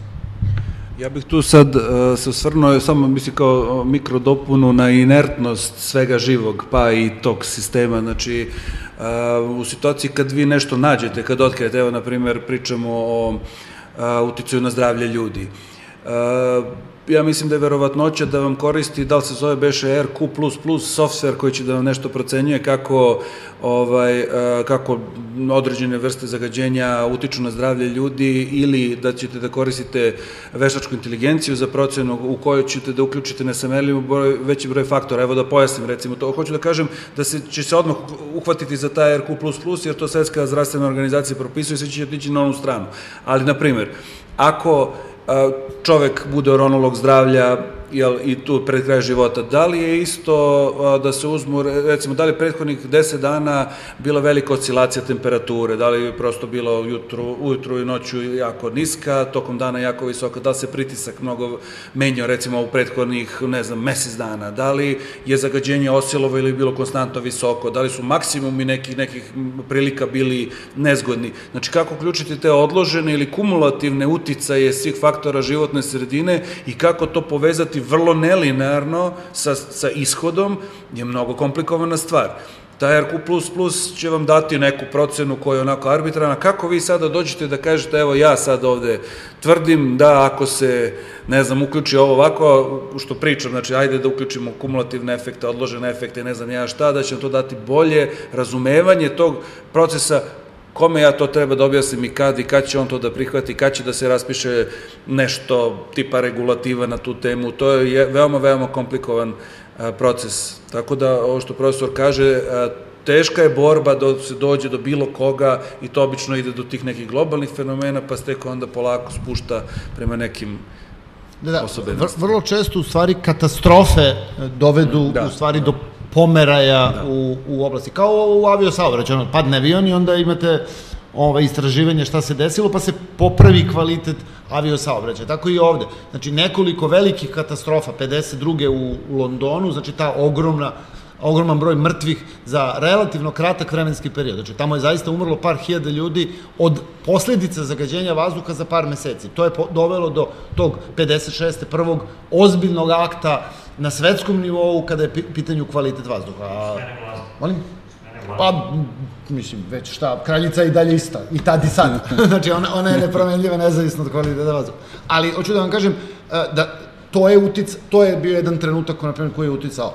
E, Seveso, katastrofa u Italiji, je uh, uticala na to da, da, da dioksini, furani i tako dalje postanu svetski problem. Iako se za njih znalo još iz vremena Vjetnamskog rata, znači da su kanceroni i tako dalje. Tek su onda stupile na snagu Štoholmska i druge konvencije, odnosno napravljene su zato, znači u principu vrlo često zaista velike katastrofe ili relativno velike katastrofe pomere pomere zakonodavni okvir, a ne znači da pre toga hiljade istraživača nisu već imale sve te rezultate i ukazivali na to. Pa ja imam sticajem okolnosti, baš zbog tih dioksina i furana, imam, na primjer, NATO izveštaj, ovaj, ne NATO kao vojne organizacije, nego da kažem te ogromne organizacije koje ima svoj ozbiljan istraživački potencijal, još iz 60. godina, znači daleko, 70-ih, 70 mislim, ovaj, or, originalni jedan od publikovan o uticaju dioksina i furana i poreklo njihovo u životnoj sredini, pošto oni veštački, znači ne, ne postoje, mislim, priroda ih ne stvara, a ovaj, tek je, znači,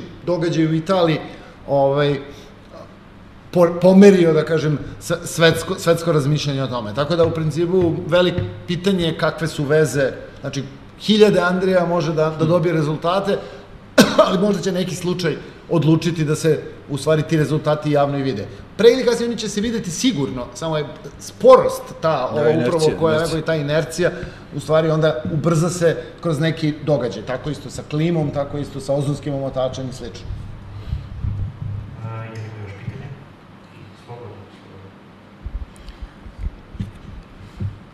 Evo samo jednu mikrodopunu svega ovoga, mislim nije vezano konkretno za zagađenje vazduha, kada su se desile, kad se desilo ono 11. septembra u Americi, kada su oni avioni udarili one kule, FBI se pitao da li ima, da li možda imao informaciju koja bi mogla da spreči događaj koji se dogodio i ispostavilo se da su imali, ali zbog organizacijone strukture ili kulture, kako ga hoćete, se prosto ta informacija nije pojavila i prosto reakcije nije bilo.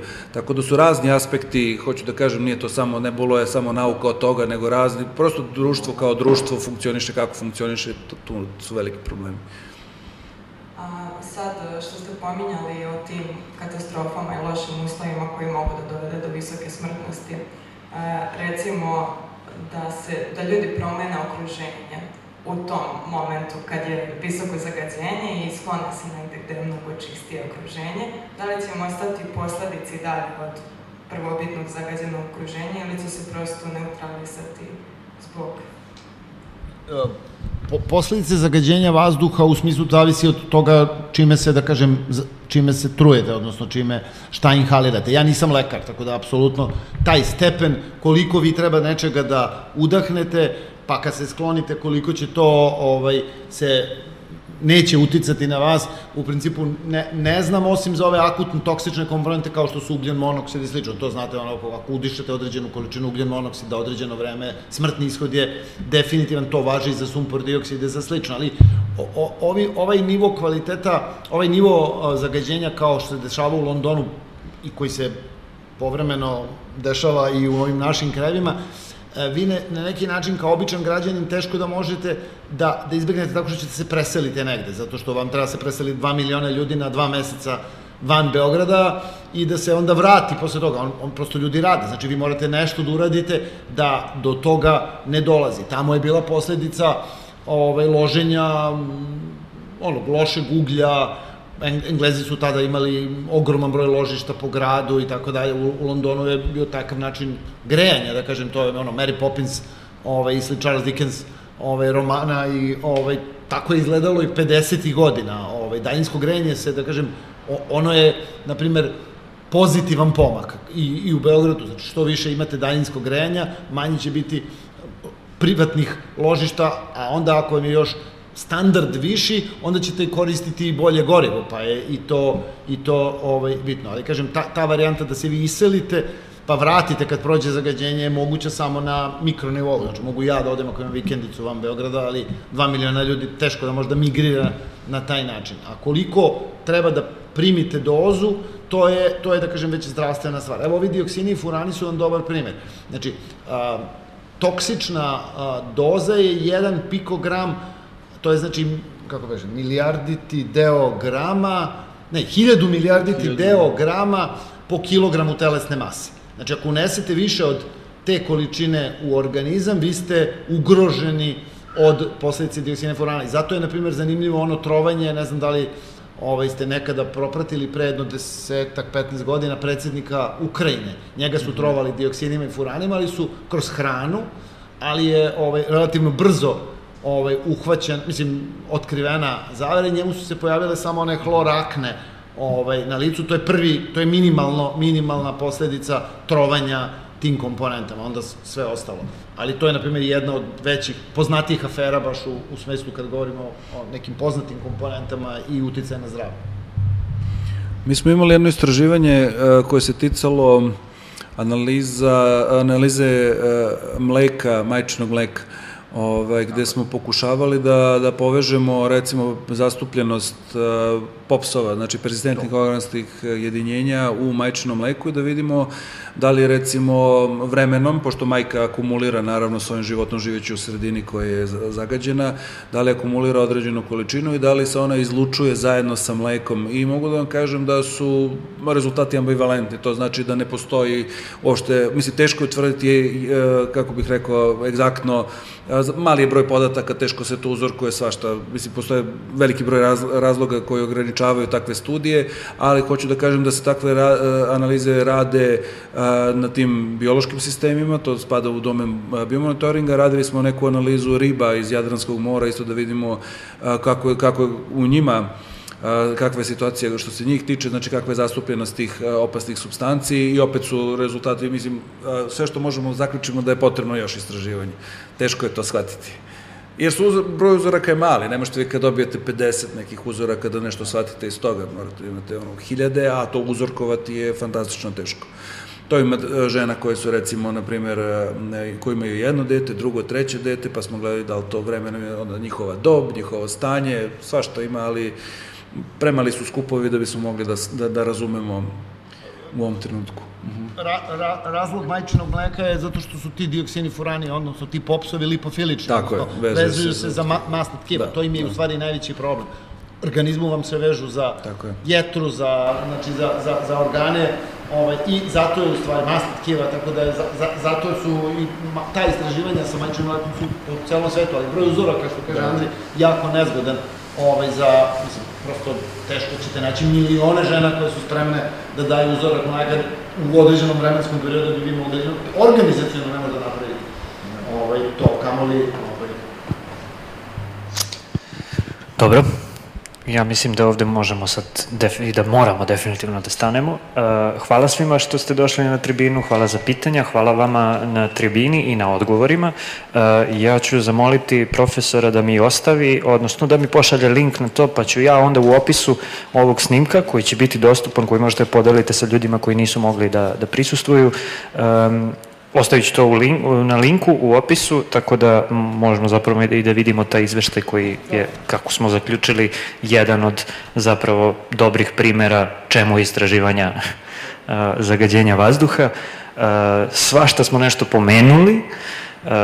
Ja, eto, bih voleo da poruka neka na kraju ove tribine bude da postoji mnogo različitih aspekta istraživanja i značaja istraživanja i nadam se da će sve ljude koji su ovo slušali i ovde uživo i nakon e, na snimku da je inspiriše, podstakne da čitaju dalje, a ako u, među publikom ima raznih donosilaca odluka ili, ili ljudi koji um, um, pretenduju da se, da se bave i tim stvarima. Ja se nadam da je ovo bilo korisno i da će imati nekog efekta i nadam se da će biti još ovakvih tribina i priča, tako da, eto, sa time bih završio.